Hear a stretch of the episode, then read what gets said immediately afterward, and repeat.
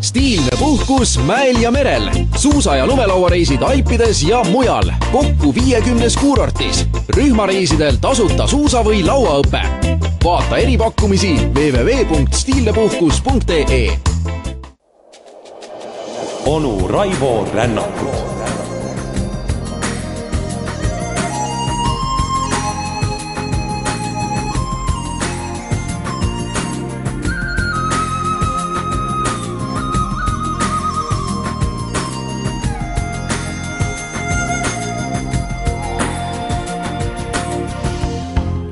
ja tere taas, head sõbrad!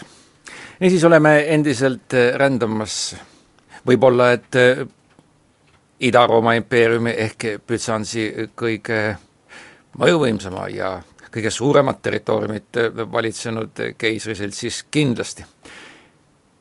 ning sellel pikal rännakul oleme vaadanud, kuidas ta võimule tõusis tänu oma lähisugulasele, eelmisele keisrile Justinusele võtsime tänu ajaloolasele Prokopiusele, kelle sõnades muide tuleb pisut kahelda, sest et eh, ta kipub olema erapoolikuid, kindlasti on see väga väärtuslik ajalooline varamu, ehk eh, tema kirjeldustele tuginedes võtsime luubi alla Justinianuse proua ehk abikaasa Theodora, kelle elukäigust ja varasemast näitlejannana olemise ajast pajatas Prokopius meile üpriski värvikaid lugusid.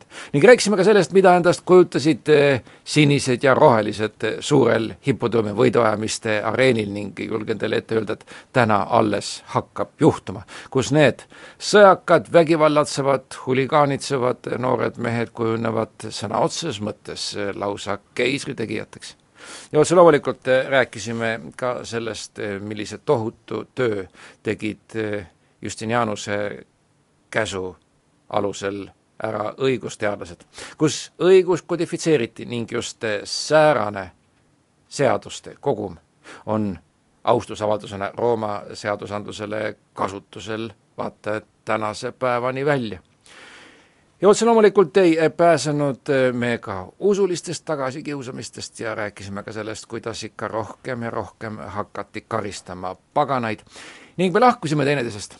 siis, kui vastamisi seisis kaks kõige mõjukamat äh, impeeriumit ehk tolleaegne Rooma mäntliperija, Ida-Rooma riik ja Pärsia impeerium.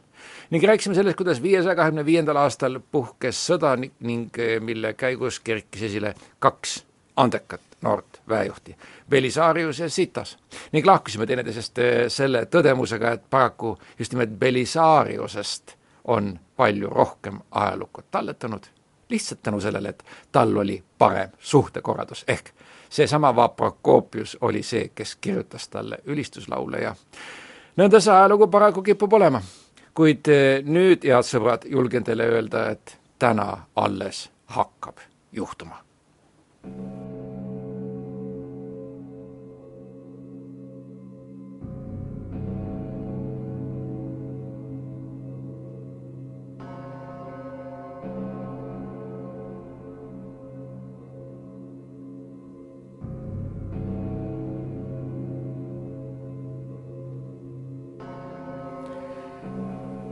Niisiis on aastal viissada kolmkümmend seesama väepealik Belisarios Dara nimelise kindluse müüride ees ning kohe üllatust.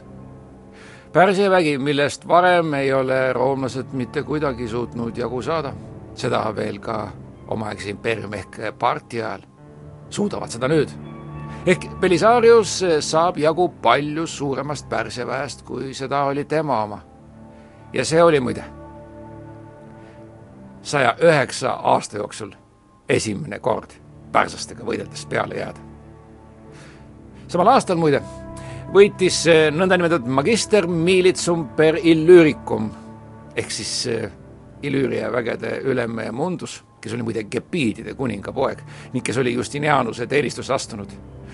ja kui ka eh, Balkanil eh, bulgaarlaste rühmitustest, keda nad ise tituleerisid lihtsalt röövliteks kuid ometigi tähtsustab Justinianus seda võitu väärikalt ning laseb muide mõlema võidu tähistamiseks püstitada hipodroomile ratsakuju.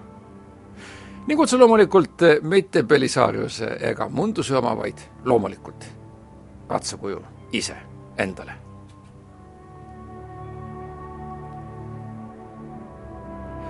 eks seegi oli omamoodi suht korralduslik trikk, sest et eh, keegi ei tohtinud eh, kerkida keisriga võrdsele tasemele. on ju Ida-Rooma ehk Byzants lausa kuulus sellest, kui kergelt eh, pead langesid õukondlike intriigide ja võimumängude tallermaal. ja ometigi Belisariuse maine nüüd selle võidu järel tõuseb järsult. kui õnnetust, juba järgmisel aastal oleks ta sellest mainest peaaegu et ilma jäänud. Sest et siis sai tema juhitud vägi Eufrati äärse Kallinikumi juures hoopiski lüüa. ning arvatakse, et siinkohal oli tegemist peamiselt nii andekas, kui ta ka oli, kuid ikkagi Belisariuse enda juhtimisvigade tõttu ehkki, nagu juba öeldud, tema suhtekorraldaja ehk pressiesindaja Prokopius, ajaloolane Prokopius, annab tema õigustamiseks tõesti oma parima. ja nõnda juhtubki, et Belisarius kutsutakse Konstantinoopolisse tagasi ja seesama teine edukas väejuht ehk Mundus võtab kogunisti väed enda juhtimise alla mis puudutab Siitasesse, kellest me rääkisime, kes ühe võitluse käigus langes, siis eh, Siitas on siis veel elus ning tema asub kaitsma kogu idapiiri. nii et säärane tõus ja langus, kuid eh, olgu etteruttavalt öeldud, et Belisarius suudab ka sellest eh, ajutisest madalseisust üle saada.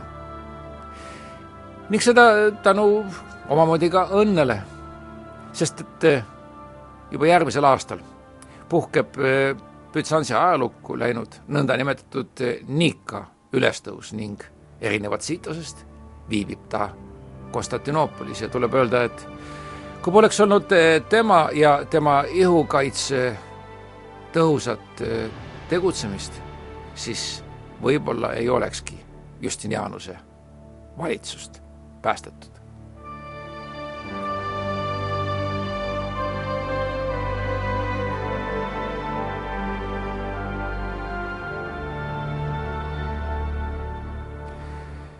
mida siis ikkagi kujutas endast see mainitud Nika ülestõus? sellest räägib kaks allikat. Ning öeldakse, et Nika ülestõusule pühapäeval, viiesaja kolmekümne teise aasta üheteistkümnendal jaanuaril toimus tähelepanuväärne kahekõne sealsamas hipodroomil ehk katismal viibiva keisri, kelle sõnu muide edastas Herold, ja oma tribüünisektorites istuvate roheliste vahel. See on siis see teine mõjuvõimas nii-öelda spordivõistluste fännklubi, mis oli aga tunduvalt äh, rohkemad, kui need tänapäevased jalgpallihuligaanid on. Ning rääkisime ka sellest, et antipoodina rohelistele olid just sinised keisrid toetav fraktsioon, kuid mitte alati. Ja ka sellest jõuame kohe-kohe nüüd rääkida. niisiis, Herold edastab keisri kõnet ning ühtäkki hakkavad rohelised esitama oma eeslaulja juhtimisel kaebusi ei kellegi teise, kuid keisri enda aadressil nimelt protestisid needsamad rohelised, et keisriliku magamiskambri valveülem ehk Spatarius, mees, kelle hüüdnimeks oli Galopodius, olla teinud neile ülekohut. Kusjuures, kes see Galopodius oli, seda ei ole võimalik kuni tänase päevani täpselt identifitseerida kuid on teada, et tol ajal oli selle nõndanimetatud Spatariuse ametis keegi armeenlasest eunuhh nimega Narses ning arvatakse, et temale võis kuuluda hüüdnimi Kalopodius, mis tähendab kreeka keeles muide kahuni jalgset. ning mida siis rohelised esitasid? Nad karjusid kooris, poleks Sabbatius sündinud, siis poleks tal mõrtsukast poega.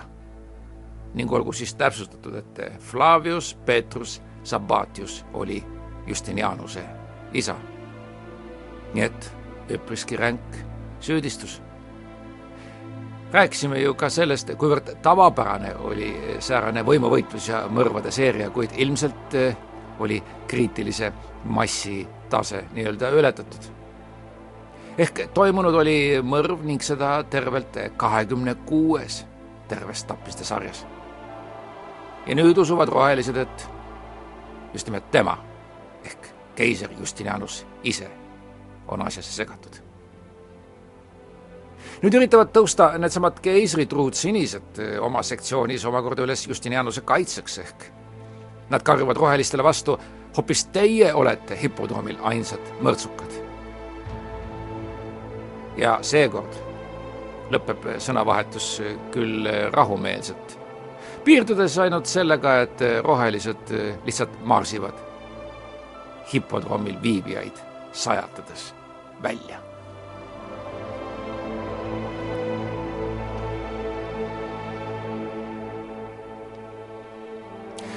samal ajal otse loomulikult keisrivõimud ei maga. ilmselt nad tajuvad ärevusega, et midagi, kes teab, suuremat on sündimas.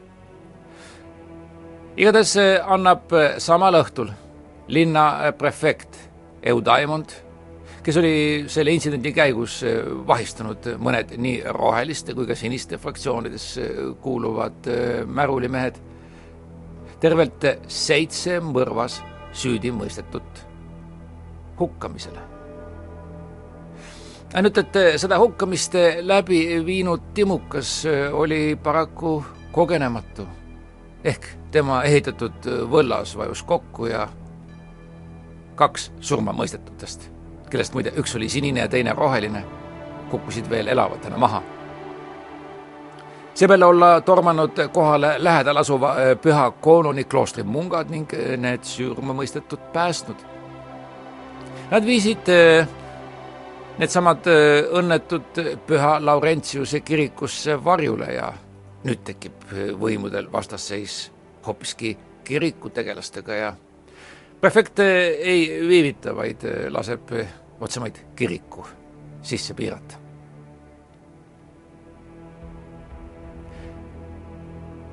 järgmise teisipäeva võidusõitude ajal jälgis aga keiser Justinianus oma loožist rohelisi ja siniseid eriti hoolikalt. nimelt palusid nad eh, tal üles näidata keiserlikku armulikkust. aga keiser vaikis ja lasi võiduajamistel jätkuda see oli tavapärane suur võiduajamiste päev. sel päeval peeti kakskümmend viis sõitu. aga ühtäkki kahekümne teise ajal hüüdsid sinised ja rohelised enam mitte vastastikku, vaid hoopiski, nii uskumatu kui see tundub, ühiselt. elagu halastajad, sinised ja rohelised. ehk ühtäkki oli nendest saanud homogeenne mässuline mass, kelle võitlushüüdeks sai Nika ehk siis kreeka keeli võida. ja sellega võib öelda, et rahutused olid alanud. onu Raivo Rännakut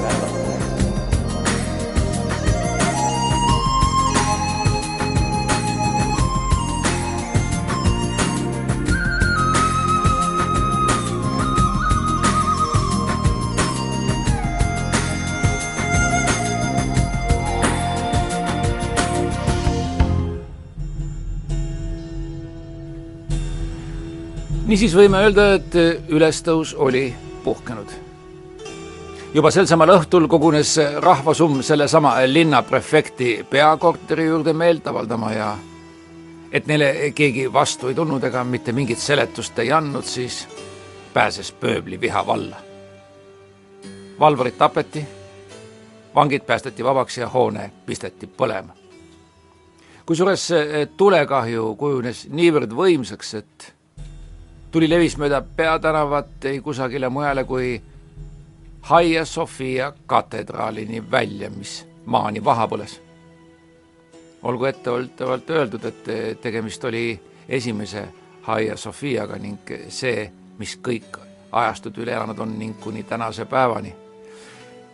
ikka veel majesteetlikuna Istanbulis troonib, on selle järglane koos oma fenomenaalse kuppelrajatisega mis puudutab aga keiser Justinianust, siis ilmselt oli ta tajumas, et kujunemas on midagi suuremat ning targem oli kuidagi rahvast lepitada. ehk ta püüdis veel kord võiduajamise korraldada, ehk roomalikus vaimus leiba ja vaatemänge, antud juhul siis neid viimaseid. Ta püüdis tõesti uued võiduajamised korraldada, ainult et seda rahvajõuku ei olnud enam võimalik ohjeldada ja tulemöll kõigel lisaks levis ikka edasi otse kesklinna ehk see jõudis kuni pronksmaja nime all tuntud keisri lassi väravarajatiseni, mis oli äärmiselt monumentaalne ehitis. see tegelikult tulega tõkestas ehk keisripalee päästeti, aga rahvas jäi oma nõudmistele kindlaks ehk nõuti kolme ebapopulaarse ametniku tagandamist. Need olid siis seesama esimesena mainitud linnaprefekt Eudaimon siis Püha Palee kvestor Tribunianus, kes parajasti sellesama õigusloometeose ehk digesta kallal töötas. ja Oriendi diotsöösi pretoriaanide prefekt Johannes Kapadooklane. Pretoriaanid, nagu me teame, Lääne-Rooma riigi ajast oli ju keisrlik kihukaitse ehk tema kaardivägi. Justinianus sai aru, et ta peab manööverdama, ta peab tegema oma ratsukäigud ning ta asendas Needsamad mehed kärmesti nende meestega, keda senaatorid, kes nagu eelmine kord rääkisime, olid äärmised umbustlikud nii tõusikliku eh, keisri kui ka sisuliselt eh, põhjakihtidest üles kerkinud veelgi tõusiklikuma keisrinna Theodora suhtes. ning tegelikult eh, tema valik ka näitas, kust mäss tema arvates toetust oli saanud. nii et taaskord, tõsi küll, pigem kaude olid eh, seegi kord senaatorid sellega seotud. sest Konstantinoopoli vana eliit, nagu juba öeldud, umbusaldas Justinianust tema pingutustele vaatamata. ja vot eh, nüüd korraldab keiser audientsi ning eh, sisuliselt alandab senaatorid, lastes neil oma keisri ees põlvili laskuda, aga ilmselt oli see vale samm. tema lepituskatsed rahvamassi ohjeldada, need ei krooni edu, vaid äh, üksnes äh, õhutavad mässajaid tagant. ja nüüd läheb asi juba nii kaugele, et tänavatel möllav rahvamass võtab nõuks valitseja kukutada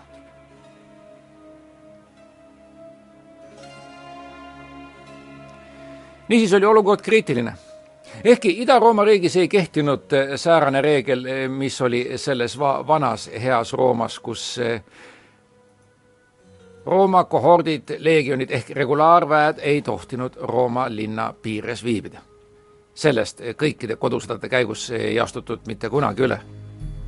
Justinianusel on pealinnas vägesid, kuid paraku ei ta, ei saa ta nende lojaalsusele loota pealegi olid need pigem just nimelt õhukaitseväelased. suuremalt jaolt need lossivahid, kes olid pigem silmailuks kui löögijõuks, kuid nüüd suudab oma olemasolu õigustada. vaat seesama Belisarius, kellel omamoodi oli õnn just nimelt siis viibida Konstantinoopolis. ehk sellel Belisariusel olid kaasas tema butšellaarid ehk eliitsõduritest saatjad. ning ehkki nad olid eh, tavalised regulaarsõdurid ning mitte pretoriaanid, jäid nad oma väepealikule truuks. Ehk Belisariuse käsu kohaselt eh, tungivad nad paleest välja. Nad on valmis võitlema eh, rahvamassiga, kes otse loomulikult on ülekaalukalt arvukam, ainult et ka treenitud regulaarväelased vajavad manööverdamiseks ja oma löögijõu koondamiseks ruumi ning paraku Konstantinoopoli kitsastel tänavatel ei ole seda mitte kuidagi võimalik teha, nii et ka nemad jäävad mässajatele alla. ja vot nüüd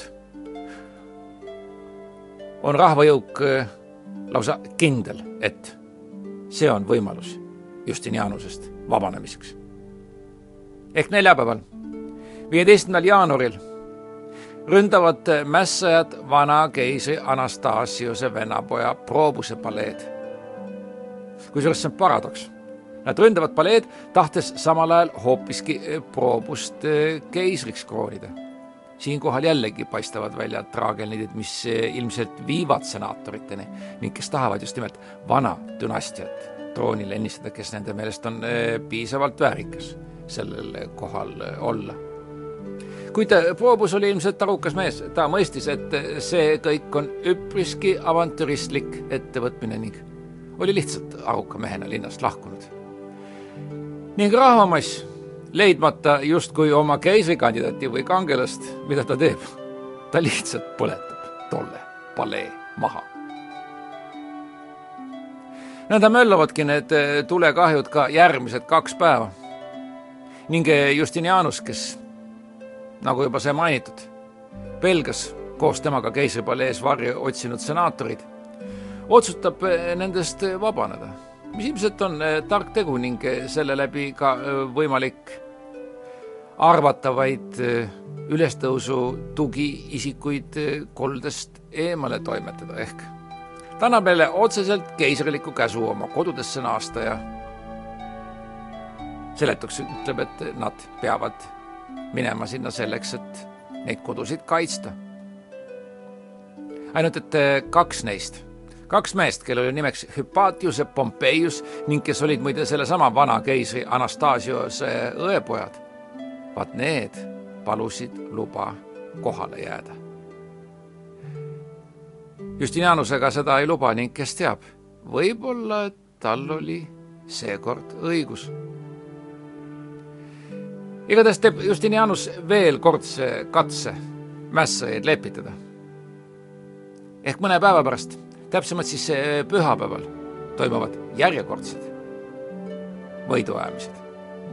Ta ilmub hipodroomil oma keisriliku looži ning üritab tõesti märatsejaid lepitada ja isegi kuulduvad mõned tervitushüüded, sest et keisri lähim nõunik, mees nimega Narses, oli selle hüvanguks rahva seas arvukalt annetusi jaganud, aga kahjuks ei olnud need kiiduhüüded eriti kõlavad ja Justinianus peab jällegi tagasi tõmbuma. Ning vot nüüd saab rahvasum teada, et kaks senaatorit ehk nagu juba öeldud, siis see Hüpatius ja Pompeius on oma Konstantinoopoli kodudes. Nad saavad teada, et Hüpatius on tõesti kodus ning nüüd otsemaid otsustab see rahvamass sellesama Hüpatiuse keisriks kroonida. ehk ta sõna otseses mõttes tiritakse sellele ovaalsele foorumile ja Konstantinuse rajatud samba jalamil pannakse talle pähe kuldne keisrilik kett kusjuures esialgu üritab Hüpatius tõrkuda, ei tea, kas see on teesklus, on see kalkulatsioon või oli see tõesti hirm võimaliku saatuse ees. kuid kui leiavad kuulujutud, et Justinianus on äh, põgenenud, siis saab ilmselt keisrliku purpurmantli ahvatlus mehest võitu nii et eh, seesama Hüpatius laseb ennast hipodroomile toimetada ja tõesti võtab keisrilikus loožis seistes vastu rahvasumma, elagu hüüded ja tervitused.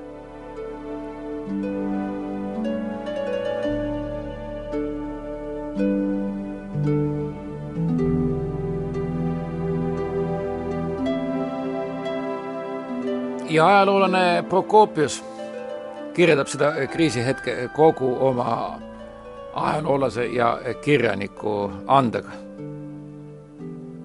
sellesama Ovaalfoorumi vastas asuvas senatis kutsus keegi muidu üpriski tundmatu senaator Origenes lausa nii-öelda ettevaatlikult tegutsema. mis võis see lõppeesmärk olla? seda võib eh, otse loomulikult aimata. igatahes aimab seda ka keisripalee ning seal keisripalees valitseb tõeline paanika. Justinianuse enda nõuandjad, nende hulgas eh, ka võidukad väepealikud ehk needsamad Belisarius, Kappadookia Johannes ja Mundus, kes olid eh, samuti oma väekoondiste juurde minnes Konstantinoopolis vahepeatuse teinud. Nad kõik soovitasid keisril põgeneda. Neil oli kaasas herulitest ehk siis ühest Ida-impeeriumi vähemusrahvaste esindajast koosnev väesalk, kes oleks suutnud tagada keisrile turvalise põgenemise. ja tõesti, tõesti, Justinianus on valmis tol hetkel põgenema. ta näeb, et ei ole teist võimalust ja vot nüüd tuleb mängu nõndanimetatud X-faktor. Ehk võib-olla paljudel meist on kerkinud esile küsimus, miks nii palju me rääkisime keisriprouast ehk Theodorast ja kas ta tõesti oli siis midagi väärt, et keisrit temast nii sisse oli võetud.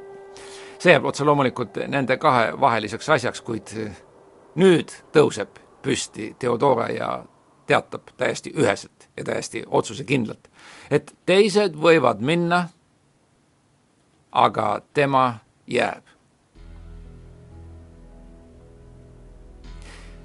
Ta ütleb otse välja, et ta ei soovi enam edasi elada, kui teda edaspidi ei kõnetata keisrinnana see oli muide üks muistne vanasõna, mis oli talle äärmiselt äh, meeldima hakanud ning veel rohkem meeldis talle vanasõna, mis ütles, et äh, kuninga seisusest seab inimesele hea surilina. Jällegi ei tea me, kas säärane suurejooneline stseen tõepoolest aset leidis või mitte või on tegemist jällegi sellesama ajaloolase Prokopiuse kas siis vaimusünnituse või siis liialdusena, kuid lugu on iseenesest ikkagi vägev.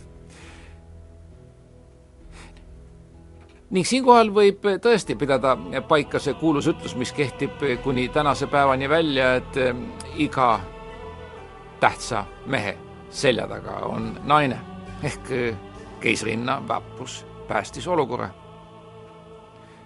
Justinianus loobub põgenemise plaanidest selle asemel käskib, käseb ta Belisariusel viia oma äh, väed äh, paleed sellesama ovaalfoorumi ehk katismaga ühendavasse koridori ning rünnata sedasama vast kroonitud uut keisrit Hüpatiost selja taga. Ainult et nüüd omakorda uue keisri truud ihukaitsjad on sissepääsu blokeerinud ning kitsas nagu sissepääs on, ei lasta Belisariost läbi. nõutuna tuleb ta keisri juurde tagasi ning saab käsu uuesti proovida.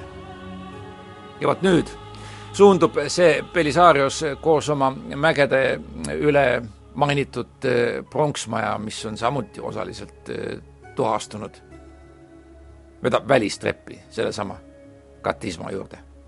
ka see tee suletakse ainult et nüüd ei kõhkle Belisarios ka relvitu rahvamassi vastu mõõku paljastada. ehk sõduritele antakse tõesti käsk mõõgad tupest välja tõmmata ja sõna otseses mõttes hipodroomile kogunenud rahvast rünnata. samal ajal teine väepealik Mundus oli hipodroomile tunginud läbi väravaava see oli see väravava, mille kaudu tavaliselt eemaldati mm, hipodroomi võiduajamiste käigus purunenud kaarikuid ja hobusekorjusid ning äh, kaarikujuhtide surnukehi. see tee puhastatakse ning needsamad herulid äh, tormavad otse maid rahvasumma kallale.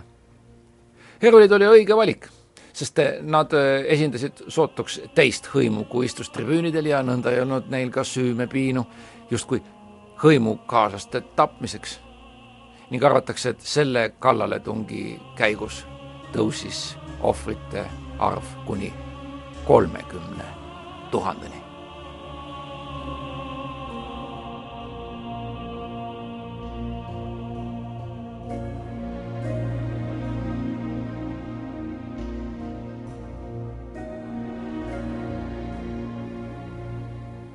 Ilmselt äh, talitasid nad õigesti, sest et seadus ja kord seati taas jalule.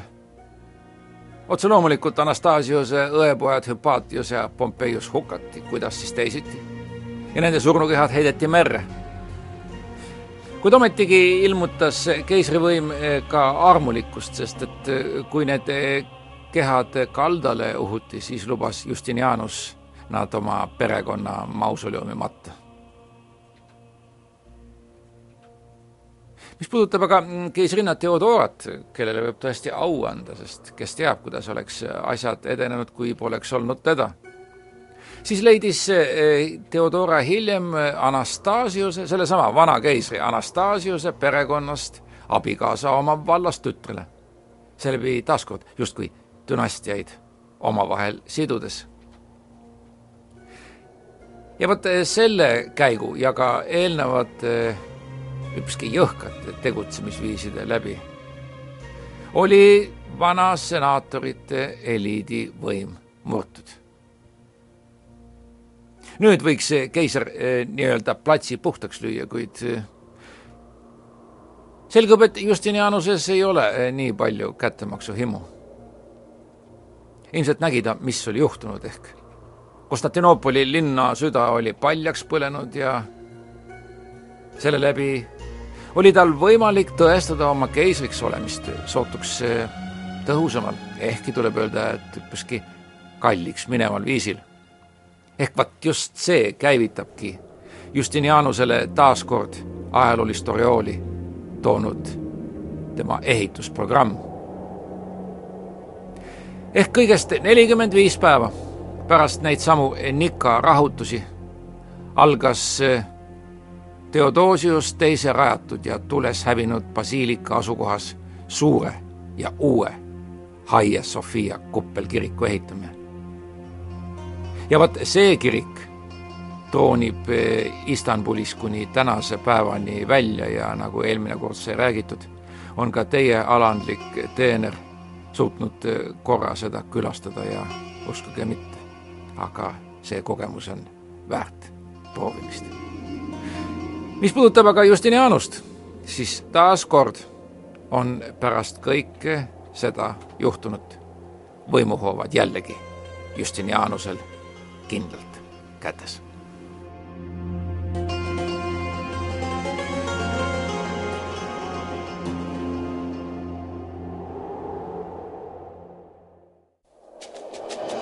onu Raivo Rännakut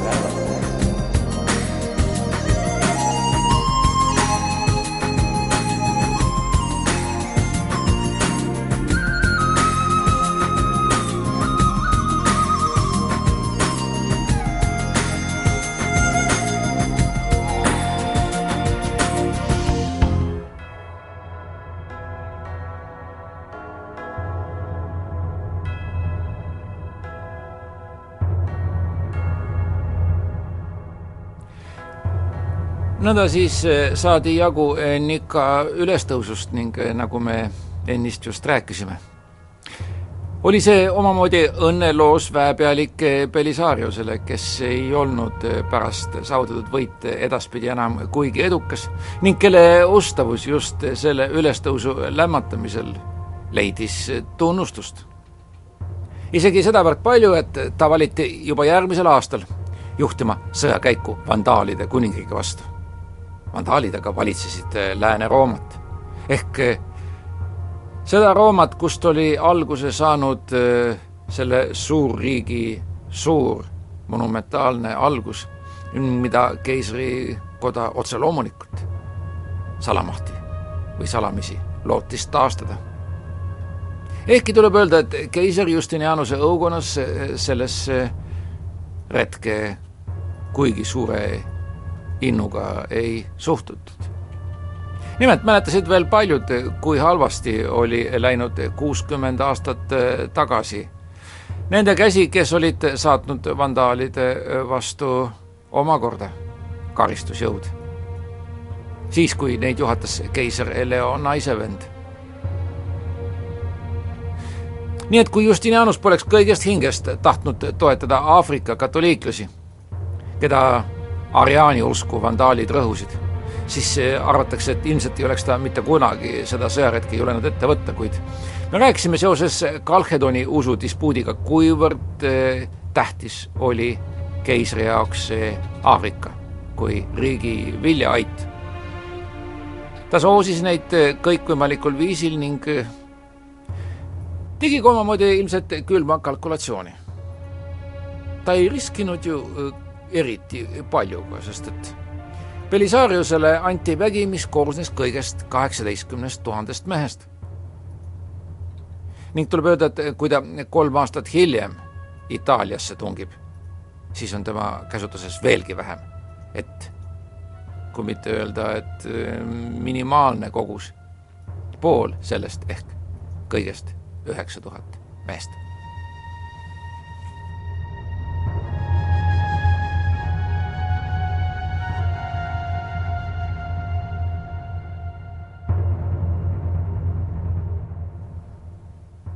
Ida-Rooma riik oli ka tõhusaks mereriigiks kujunenud ning otse loomulikult toimetatakse need väekoondised kohale transpordialuste ja kiirete sõjalaevade konvoi abil. nõnda jõuavadki nad Aafrika rannikule tunduvalt varem, kui vandaalid nende lähenemisest teada saavad. ning vandaalide kuningriik langes kõigest pärast kaht lahingut. esimene neist oli kümnenda miili tähise lahing Kartaago juures, kuhu Byzantsi väed tungisid juba järgmisel päeval. ning kolm kuud hiljem saavutas Belisarios järjekordse võidu. tõesti mõjuka võidu, mille järel vandaalide kuningas Gelimer põgenes berberite ehk mauride, nagu byzantslased neid nimetasid, nende juurde Numiidiasse olgu siis öeldud, et berberi päritolu inimesi elab tänapäeval eh, Põhja-Aafrikas ning muide ka Liibüas. ning seal varjasid nad ennast kolm kuud eh, ühe mäe tipus ning eh, raskustega harjumatule valitsejale Gelimerile olla see väidetavalt olnud tõeliselt rängaks katsumuseks, nii et viimaks ta seetõttu ka alistus.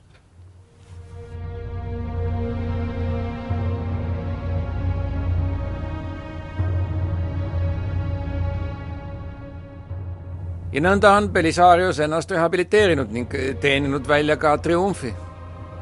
ta pöördub tagasi Konstantinoopolisse, kus teda kangelasena vastu võetakse. vähe sellest, ta toob kaasa ka vangi võetud vandaalid ning nende seas Gelimeri enda ja ka kuningriigi aardad. ehkki öeldakse, et osa pani ta enda jaoks ehk bütsantsliku kavalusega kõrvale ning Belisariuse auks taastas Justinianus kogunisti Rooma triumfide traditsiooni ning lisaks kõigele määras ta aastal viissada kolmkümmend viis ka konsuli ametisse. ainult et pärast kõiki neid triumfe ei teadnud bütsantslased ise veel, et Aafrika polnud kaugeltki maha rahustatud tõsi küll, jah, nad olid alistanud vandaalide kuningriigi, kuid nüüd oli, tuli eh, tegemist teha nende samade berberitega, kelle kohta tihti öeldakse, et need on veel visamad ja vintskemad võitlejad kui araablased. kuid Justinianusel on juba uued plaanid ehk need kõige tähtsamad, Itaalia plaanid, Rooma vana riigi südame vallutuse plaanid ning seda valitsevad eh, tol hetkel idakootid ning eh, nõnda ta hakkabki tegema plaane, et rünnata idakootide kuningriiki.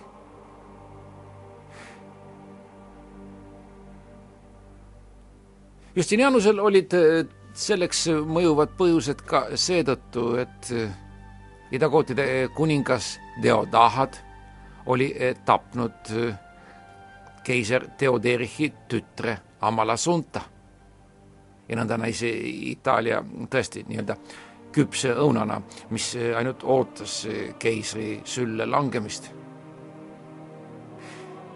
ja nõnda hakkab Belisarius jällegi tegutsema. ta vallutab sellel samal viiesaja kolmekümne viiendal aastal ilma erilise vaevata Sitsiilia, ületab järgmisel aastal Messina väina ja liigub üles põhja poole tolleaegses Neapolis ehk siis praeguses Naapolis panevad idakootid mõnda aega piiramisele vastu, ainult et äh, seesama Deodahat ei saatnud neile abi ja nördinud idakoodid asendasid ta hoopiski sõjakama pealikuga kellegi Vitigisega.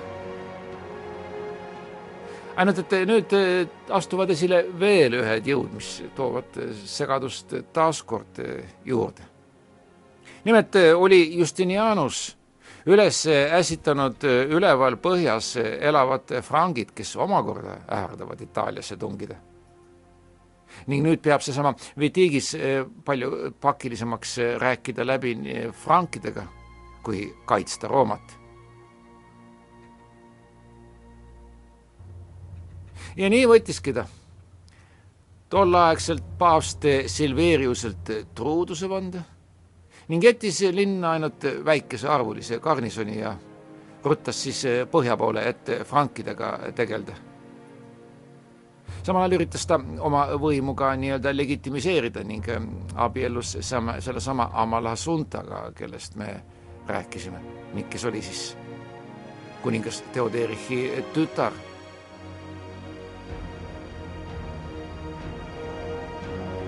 Ainult et kui Belisarios linnale lähenes, siis olla linnarahvas ikkagi võtnud paavsti nõuannet kuulda ja avanud linnaväravad. kõlab ilusti. linnarahvas võttis paavsti nõuannet kuulda. samas me äsja rääkisime, kuidas eh, paavstilt võeti truudusevanne ja seetõttu pole ka imekspandav, et teiselt poolt vaadatuna paavst lihtsalt reetis oma suverääni. kuid on, kuidas on. Seesama Vitigis taipas nüüd, et, et oli teinud vea, usaldades paavsti. ta pöördub oma väega Rooma alla tagasi, piirab linna sisse ning nagu öeldud, Belisariusel on äärmiselt vähe mehi. nüüdseks on neid järgi kõigest viis tuhat sõdurit. kuid ta kaitseb nende meestega Roomat rohkem kui aasta. ning tema visadus ka pärjatakse. Nimelt viimaks annavad gootid viiesaja kolmekümne kaheksanda aasta märtsis järele. ainult et sõda kestis edasi Itaalia laastamine jätkus. ja kui Belisarius lõpuks veelgi tähtsama keskuse vallutab, kui seda on Rooma ehk Ravenna, Lääne-Rooma riigi viimase pealinna, aitab teda selles jällegi reetmine. Ehk ta jättis gootidele mulje, et kui need Ravenna loovutavad, siis pööratab keiser Justinianusele selja see on ju bütsantslik komme, me rääkisime sellest, kõik olid sellega vaata et harjunud ning eh, veel lubas Belisarius, et ta taastab eraldi Lääne-Rooma keisririigi, mida ta siis hakkab ise keisrina koos gootidega valitsema. ja nõnda jäävadki gootid teda uskuma. Nad annavad Ravenna käest nagu kokku lepitud, ainult et eh, õige pea purjetab Belisariust Konstantinoopolisse. tal on kaasas linnavarad, tal on kaasas vähe sellest ka gooti kuninglik perekond ning nüüd tabavad kibestunud gootid kuidas on neid ninapidi peetud. kuidas läheb edasi? kuidas lõpeb sellesama Belisariuse epopöa ning kuidas käib Justinianuse käsi sellest sõbra taga juba järgmisel pühapäeval?